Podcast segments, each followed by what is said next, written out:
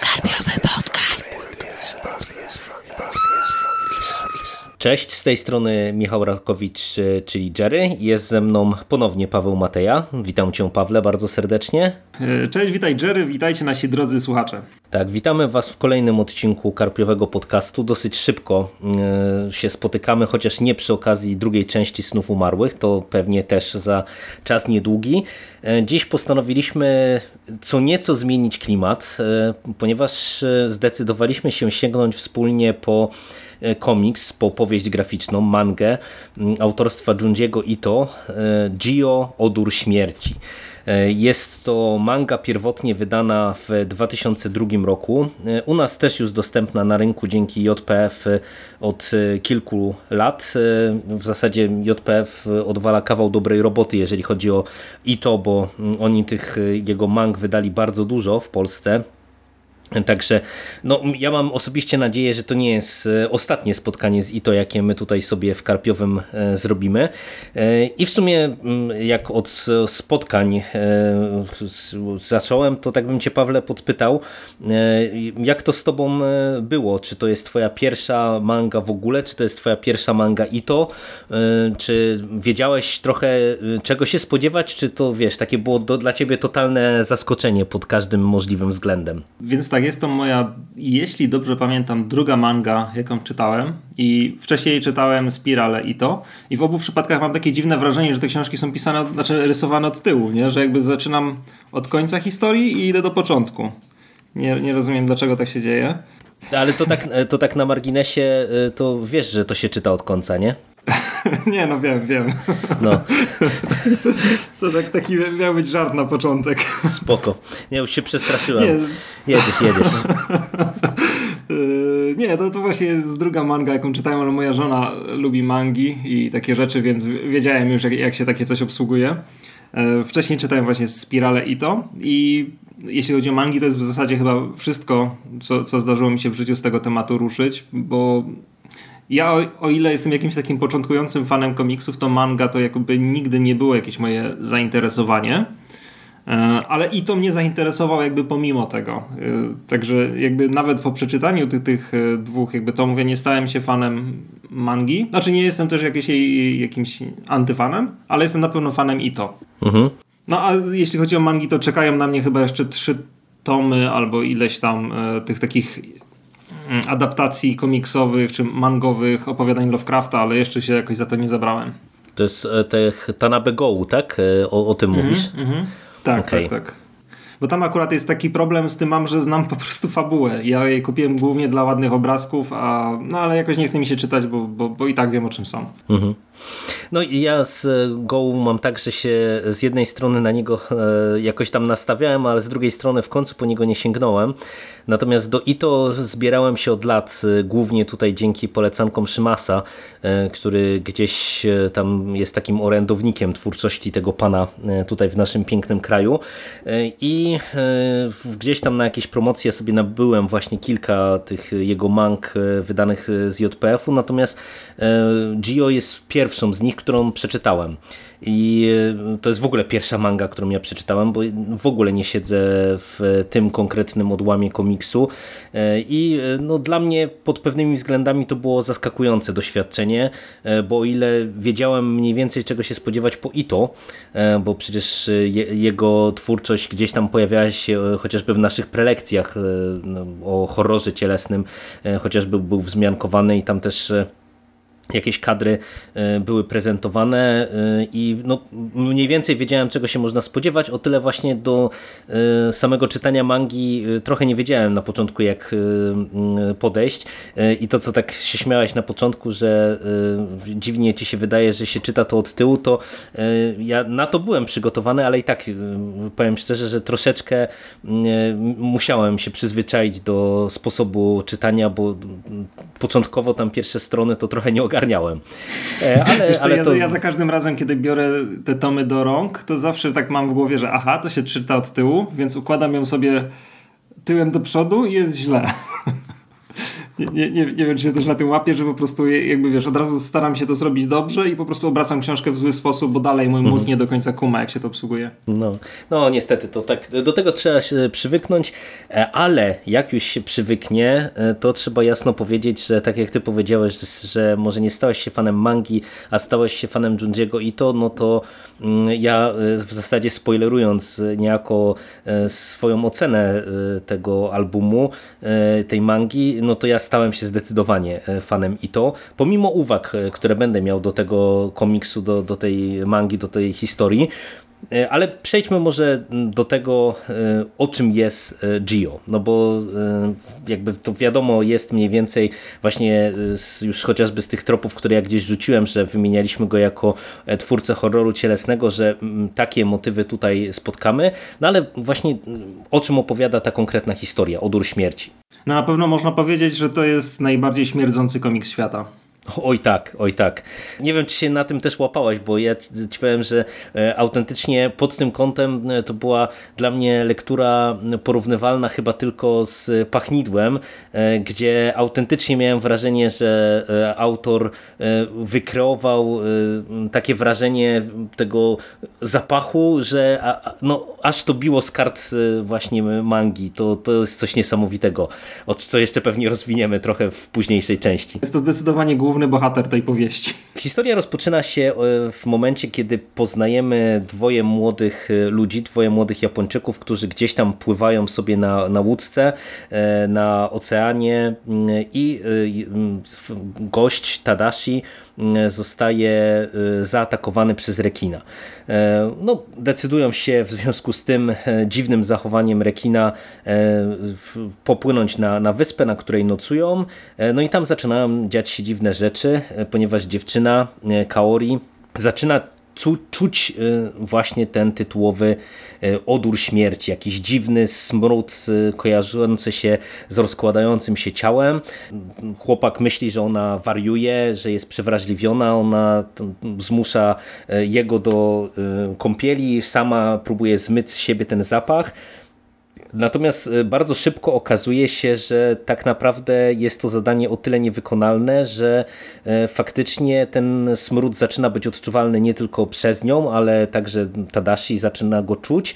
No i krótkie śledztwo doprowadza do tego, że mm, już e, na koniec pierwszego rozdziału tej opowieści Tadashi znajduje w e, mieszkaniu jakąś dziwaczną rybę na, na takich jakichś e, odnóżach, e, jak się później okazuje mechanicznych, która właśnie niesie ten tytułowy odór śmierci.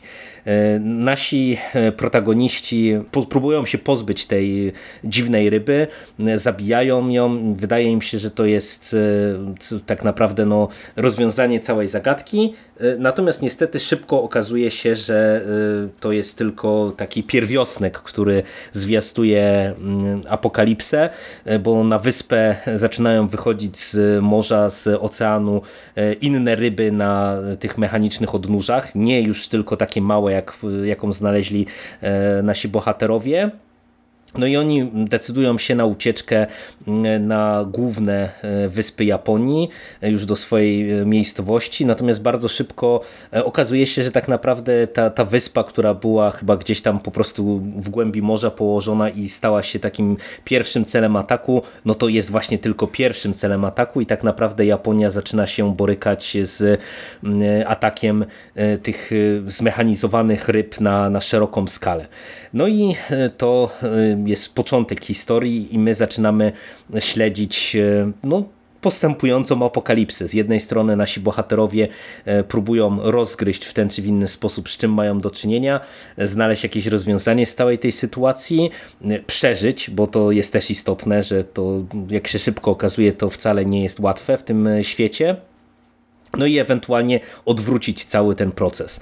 E, no i mm, powiedz mi, Pawle, czy ta historia e, Cię wciągnęła, czy Cię zainteresowała, czy Cię zaintrygowała? No bo ten punkt wyjścia jest dosyć dziwaczny, a później e, no tak naprawdę robi się bardzo szybko coraz bardziej obrzydliwie, coraz bardziej niesamowicie na swój sposób, niepokojąco jak ci się ta, ta historia właśnie spodobała? Jak cię to wciągnęło? E, wiesz co, ja zacznę może od tego, że jakby nim zacząłem czytać w ogóle Ito, to kojarzyłem go właśnie między innymi chyba z waszych prelekcji, gdzie wydaje mi się, że Szymas po prostu wrzucał jakieś mhm, tak. e, kadry z komiksu i one mnie już zainteresowały, bo one są takie no ta, ta jego kreska jest bardzo charakterystyczna i rzeczy, które lubi on rysować są jeszcze bardziej charakterystyczne.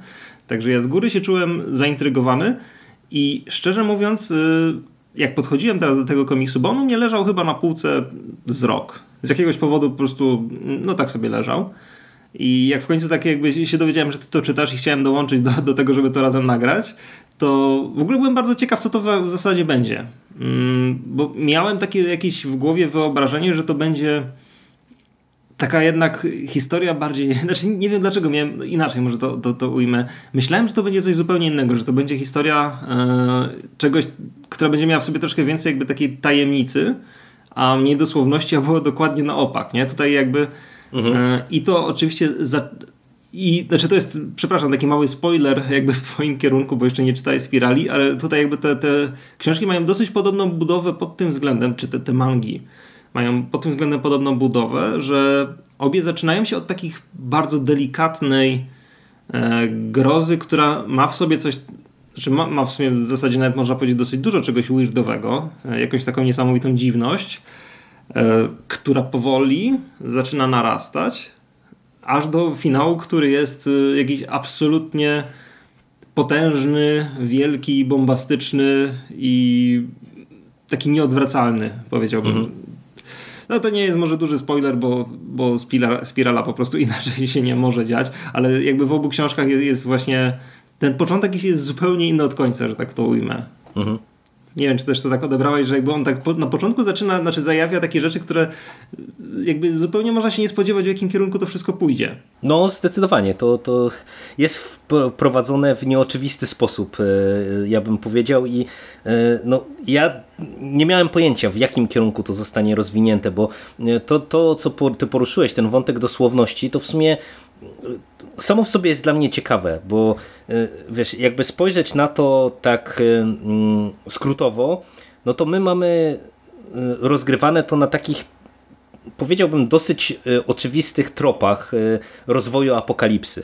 Czyli coś się zaczyna dziać, zaczyna się niepokój na ulicach, ludzie zaczynają walczyć o przeżycie, naukowcy zaczynają czy podejmują próby e, zneutralizowania tego problemu. Przy czym od któregoś momentu e, to mimo tego, że teoretycznie idziemy właśnie tak zgranymi ścieżkami, czy, czy zgranymi tropami, to ta dziwaczność y, powoduje to, i, i, właśnie to podbicie tej skali przede wszystkim y, powoduje to, że ja i tak cały czas byłem zaskoczony i zaskakiwany przez y, i to, gdzie nas to wszystko może doprowadzić. Przecież tam w momencie, kiedy my gdzieś w finale dochodzimy do rozdziałów w cyrku, no to ja przyznam się szczerze, że zbierałem szczękę z podłogi, bo y, jak już mi się wydawało, że wiesz, że pewne granice mm, dziwaczności i, i szaleństwa zostały tu przekroczone, to nagle się okazało, że jeszcze nic nie wiem i jeszcze dużo, dużo przed nami. E, także pod tym kątem to jest mega, mega satysfakcjonująca opowieść, nie? że ona do samego finału po prostu trzyma nas w niepewności mimo, że, że wydaje się z pozoru, że szybko jesteśmy w stanie pewne e, elementy tej historii rozgryźć. Mhm. Ja takie w ogóle mam wrażenie, że początek był bardziej interesujący fabularnie, właśnie przez tą taką tajemniczość i takie, takie jeszcze stopniowa, stopniowanie po prostu napięcia, które jest tam użyte. I to było takie autentycznie wciągające, chciało się wiedzieć, co się będzie działo, a później, kiedy no, po prostu i to tak pierdolną z całej siły, z całym swoim zasobem, Fabuła zeszła bardzo mocno na drugi plan, ale wcale nie zrobiło się gorzej, dlatego że on tam dopiero wtedy mógł w pełni popisać się kreską. I mhm. właśnie tym, tym, swoim stylem, stylem wizualnym i, i, i, tym, co po prostu siedzi mu w głowie. I to było takie fajnie zbalansowane, bo w pewnym momencie mam wrażenie, że ta, ta, ta, ta manga przekroczyła pewną taką granicę. Mm, w zasadzie nawet nie wiem czego taką granicę pojmowalności, nie? że przecież doszliśmy do momentu, w którym ta historia sięgnęła jakiegoś taki, takiego wręcz jakiegoś absurdu, nie? że po prostu obrzydliwości dosłownie wylewają się tam z kart i mamy tylko taki, e, no, no, no dosłownie fabuła zeszła bardzo na daleki plan i, ma, i w dużej mierze po prostu obserwujemy kolejne jakieś, e, właśnie tak jak wspomniałeś ten cyrk, takie kuriozalne sceny, które same w sobie e, stanowią wartość dla kogoś, kto ma no, dosyć zwichrowaną wyobraźnię, która jest w stanie to przyjąć. Mhm. W sumie to, co powiedziałeś o, o, tym, że e, w tej dalszej części, kiedy, kiedy właśnie jakby już trochę e, się puszczamy peronu i, i zaczynamy iść w taką groteskę e, często, to tutaj ta wartość tej kreski jest właśnie o tyle mm, godna podkreślenia, że tutaj bohaterowie się mierzą właśnie no, dosłownie z tym odorem śmierci, z jakimś gazem tajemniczym. I to, to było dla mnie autentycznie niesamowite, mm, że mamy tutaj sekwencje y, i, i, i takie kadry, gdzie właśnie mamy prezentowane różnego rodzaju wyziewy, jakieś e, gazy, e, nie wiem, atakujące ludzi, e, oblepiające ich w ten czy w inny sposób i to się po prostu wszystko wylewa z kadrów. Nie? To, to było dla mnie niesamowite. Ja nie przypominam sobie praktycznie rzecz biorąc chyba żadnego komiksu, który tak by na mnie oddziaływał. Ba, nawet książki chyba nie jestem w stanie sobie przypomnieć, która by na mnie tak fizycznie wręcz oddziaływała. Nie? Że e, po prostu miałem wrażenie, że ta obrzydliwość e, działa no cuda po prostu, nie? Że, że wiesz, że autorowi się udało mm, wykreować taką atmosferę i tak to wszystko narysować, że, że ja się czułem zbrukany fizycznie w trakcie lektury. co, co, tak. co wiesz, co e, e, jakkolwiek e, no, głupio by to nie brzmiało, co jest jakąś niesamowitą wartością po prostu całej tej opowieści. Mm -hmm. Też tak miałeś? Znaczy, tak i w ogóle jakby bardzo mnie jakby może powiem tak, bardzo doceniam to, że ta cała historia Gio, ona mam wrażenie jest w stanie funkcjonować w pełni tylko na kartach komiksu. Bo wyobraź sobie, gdyby to była powieść. To początkowo właśnie dostalibyśmy taką fajną atmosferę, jakieś takie troszkę niesamowitych wydarzeń, które wszystko się trzyma kupy i da się to jakoś opowiedzieć, ale w pewnym momencie zmieniłoby się to w jakiś taki absolutnie przesadzony nie wiem, animal horror, który, no to na, trudno powiedzieć, żeby animal, jakąś tak, nie wiem, połączenie martwicy mózgu z krabami, czy coś takiego i to, to jeśli by ktoś to próbował, wiesz, dosłownie opisać literami, to co się tutaj dzieje, to byłoby to śmieszne. Bo trzeba by opisywać całe, całe jakieś tysiące ludzi, którzy są na dziwnych kończynach mechanicznych, którzy mają włożony w odbyt i w usta rury do wydychania gazu. Nie? Jeśli o tym tak myślisz, to to brzmi idiotycznie. Z drugiej strony, gdyby ktoś chciał to zekranizować w formie, znaczy wydaje mi się, że jest jakaś ekranizacja, mm, animizacja, coś, coś takiego, ale nie, nie, nie weryfikowałem tego, ale gdyby ktoś chciał zrobić z tego film kinowy, no to po prostu to nie zrobiłby tego, bo nikt by tego nie puścił nigdzie. No ja, ja, cię, ja cię tu zaskoczę, bo jest planowana ekranizacja w formie serialu e, na tej nowej platformie streamingowej Quibi. Tylko no pytanie, co się z tym e, zadzieje. No, no pytanie, co z tym zrobią, bo jeśli, jeśli rzeczywiście to zrobią, znaczy oddadzą komiks, no to czapki z głów. Bo ja sobie tego nie wyobrażam. No to, to, to byłoby jakieś absolutnie historyczne chyba wydarzenie, żeby co, co, coś o tej skali po prostu wizualnej ohydy zrobić. Ale właśnie, bo do tego, że na, w komiksie to mam wrażenie, że sprawdza się idealnie. Także naprawdę jakby ten y, forma do treści jest tutaj dopasowana jeden do jednego. Mhm. Tak, ja tutaj się pod tym podpisuję.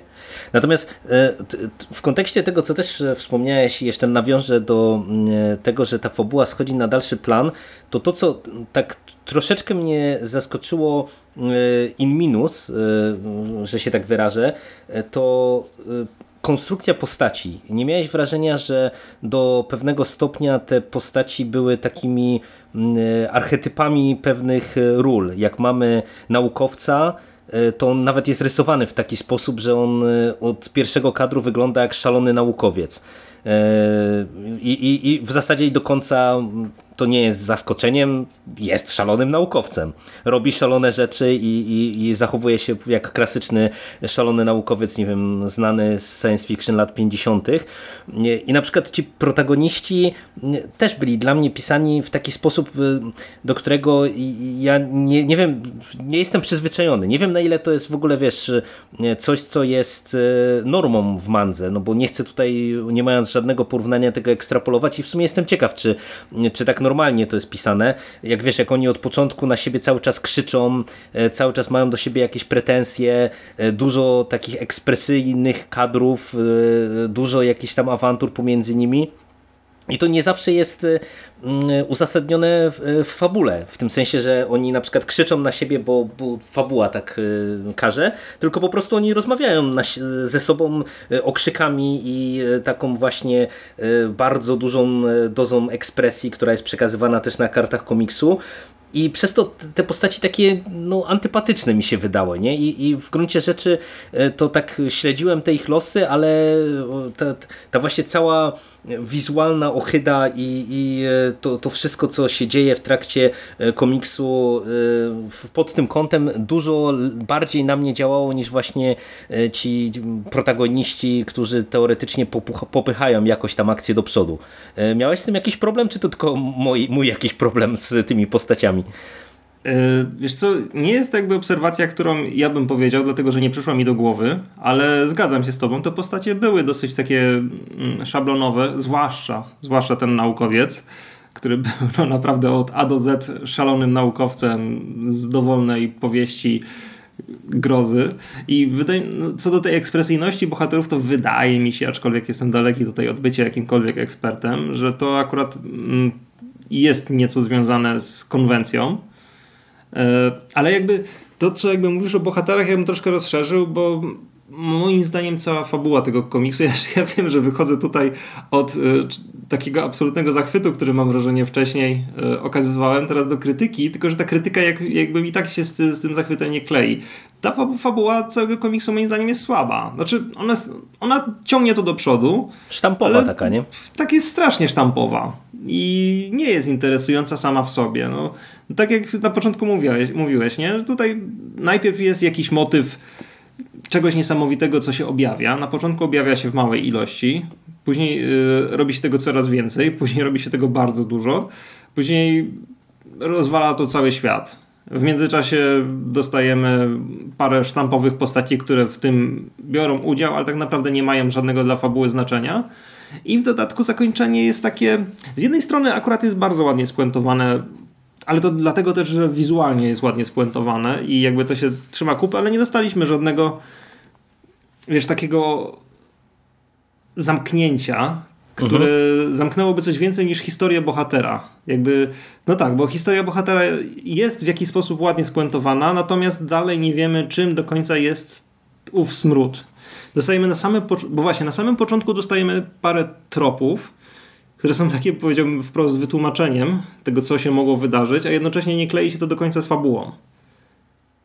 Yy, znaczy, nie, nie, wiem, czy wiesz o co mi chodzi. Tutaj na początku mhm, wspominamy tak, tak. coś o tym, o tym dziadku, który maczał palce przy jakichś eksperymentach i to z jednej strony wszystko wyjaśnia, a z drugiej strony ten właśnie gaz ma jakąś jakby osobowość. Czy, yy, no bo przecież te osoby i różne stworzenia, które poruszają się i emanują tym smrodem, yy, nimi kieruje jakby z jednej strony jakby jakaś indywidualna świadomość, a z drugiej strony jakaś zbiorowa świadomość, która właśnie objawia się w tych yy, dziwnych oparach i nie wiemy do końca czym ona jest.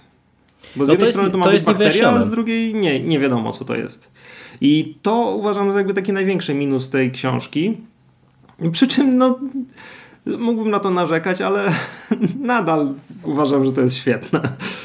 No, ja akurat z tym elementem problemu nie miałem o tyle, że wydaje mi się, że to, co y, tutaj y, my dostajemy jako wyjaśnienie, to, to jest mimo wszystko dosyć spójne, bo my nie y, dostajemy żadnej genezy tego gazu, bo tylko jest wspomniane, że gdzieś tam został odkryty, tak, tak, została odkryta taka substancja, którą postanowiono wykorzystać, tak jak to ludzie chcą wykorzystać substancje o tego rodzaju działaniu. No i wygląda na to, że po prostu się to wymknęło w którymś momencie z pod kontroli. I pod tym kątem to ja ci powiem, że nawet podobało mi się, że i to nie próbował tego wyjaśnić jakoś bardziej. Nie? Wydaje mi się, że tyle co dostaliśmy, to jest tak w sam raz, bo e, gdyby tutaj próbować jeszcze wyjaśnić jakby całą genezę tego, nie wiem, żeby spróbować jakoś to spuentować, to wydaje mi się, żeby mogło to, to trochę rozwalić cały ten świat przedstawiony. A tak, tak jak mówisz, no dostajemy na finał tak naprawdę y, spuentowanie historii y, głównego bohatera, a nie całej tej opowieści, tylko gdzieś tam zostajemy w zawieszeniu, ale wydaje mi się, że to gra. To, to jest akurat dobre zakończenie w mojej ocenie. Tak, to gra, ale to dla, gra dlatego, że jest to po prostu w tej formie. Jest to w formie mhm. komiksu i jakby nie skupiamy się do końca na tej fabule. Nie ma dla nas znaczenia do końca to, co się tam tak naprawdę wydarzyło. My to po prostu obserwujemy. Jesteśmy jakby no, dosłownie częścią tego y, przez intensywność wrażeń wizualnych, które nam to oferuje. No to zanim e, przejdziemy do e, dwóch jeszcze historii dodatkowych, które serwuje nam ten album, e, to zadam Ci takie pytanie, bo my w sumie się tutaj zachwycamy. Mam nadzieję, że to słychać w naszych głosach, że pomimo uwag jakichś tam krytycznych, które wyartykułowaliśmy, to, to całościowo tym, tym, tą mangą jesteśmy zachwyceni, ale czy to jest e, e, taka opowieść, czy to jest taka historia, którą byś e, polecił każdemu fanowi grozy? Bo wydaje mi się, że kurczę, to z tym bym mógł, ja bym mógł mieć osobiście mimo wszystko pewien problem. Jak, jak, jak sądzisz? Czy to po prostu jest horror taki, który warto, warto znać? Czy, czy tutaj naszym słuchaczom mówimy wyraźnie trzeba, jeżeli nie wiem, lubicie horror czy body horror, to, to powinniście, czy, czy mamy ich tutaj ostrzegać? Ha, wiesz co, tak, jeśli ktoś jest takim naprawdę casualowym fanem horroru i nie wiem, powiedzmy, jego wrażliwość operuje na poziomie, powiedzmy, powieści Stephena Kinga, no to może nie. Ale jeśli ktoś faktycznie, znaczy ja tutaj nie chcę jakoś tam znowu, wiesz, jakoś e, oceniać tego, jak, jak ludzie mm, obcują z horrorem, mhm. i co jest lepsze, co gorsze, ale no wydaje mi się, że trzeba jakby troszkę takiej dodatkowej wrażliwości fana gatunku, żeby w pełni jakby się tym cieszyć, bo no część osób myślę, że naprawdę może, no, no to jest po prostu bardzo intensywna, intensywne doświadczenie i no dla wielu osób myślę, że to może być po prostu strata pieniędzy, bo nie doczytają.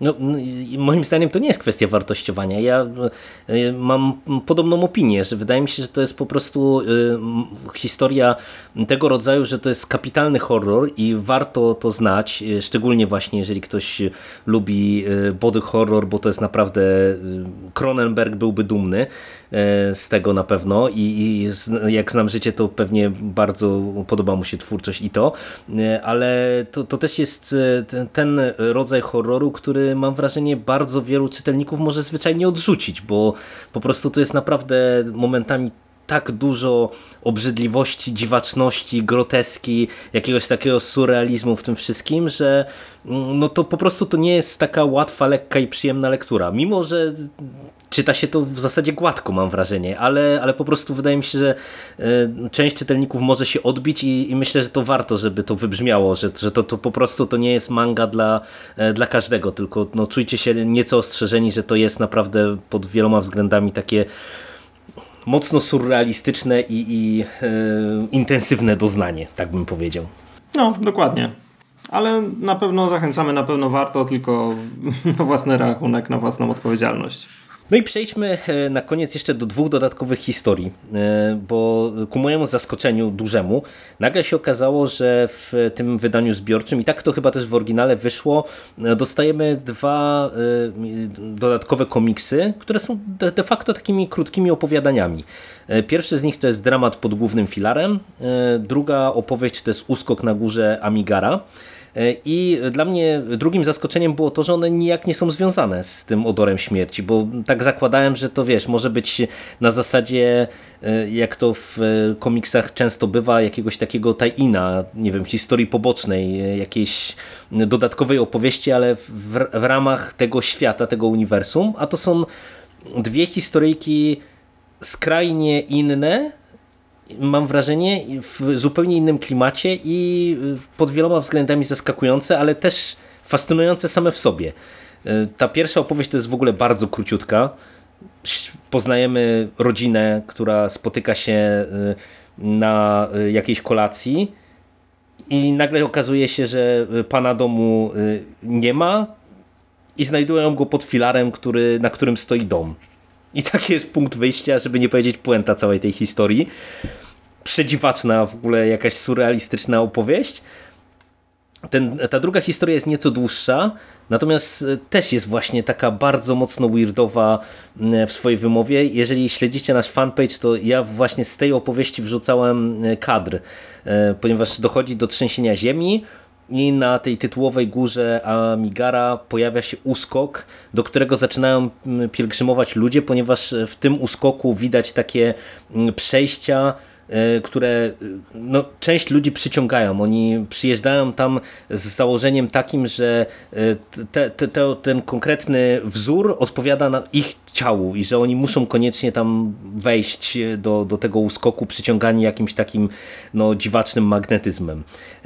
Jak Ci się te historie podobały? No bo one są, mówię, skrajnie inne od tego, co dostaliśmy wcześniej. One o, o, epatują jakby zupełnie, inny, zupełnie innym rodzajem, mam wrażenie, i horroru i taką inną trochę wrażliwością od tego, co w Gio mieliśmy.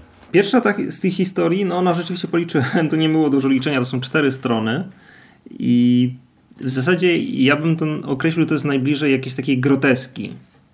E, I mam wrażenie, że to nie należy nawet traktować tego, powiedzmy, że opowiadania czy te, tego shorta, E, jako jakiejś historii grozy, czy nawet do mhm. końca jako historii niesamowitej. To jest, e, tak. mam wrażenie, coś bardziej satyrycznego społecznie, aczkolwiek no nie jestem w stanie ocenić, bo nie jestem znawcą Japonii, ale mam wrażenie, że tutaj jakby chodziło o troszkę taką mm, zabawę jakimiś kontekstami kulturowymi, które może nie do końca zrozumiałem, ale to fajne to było.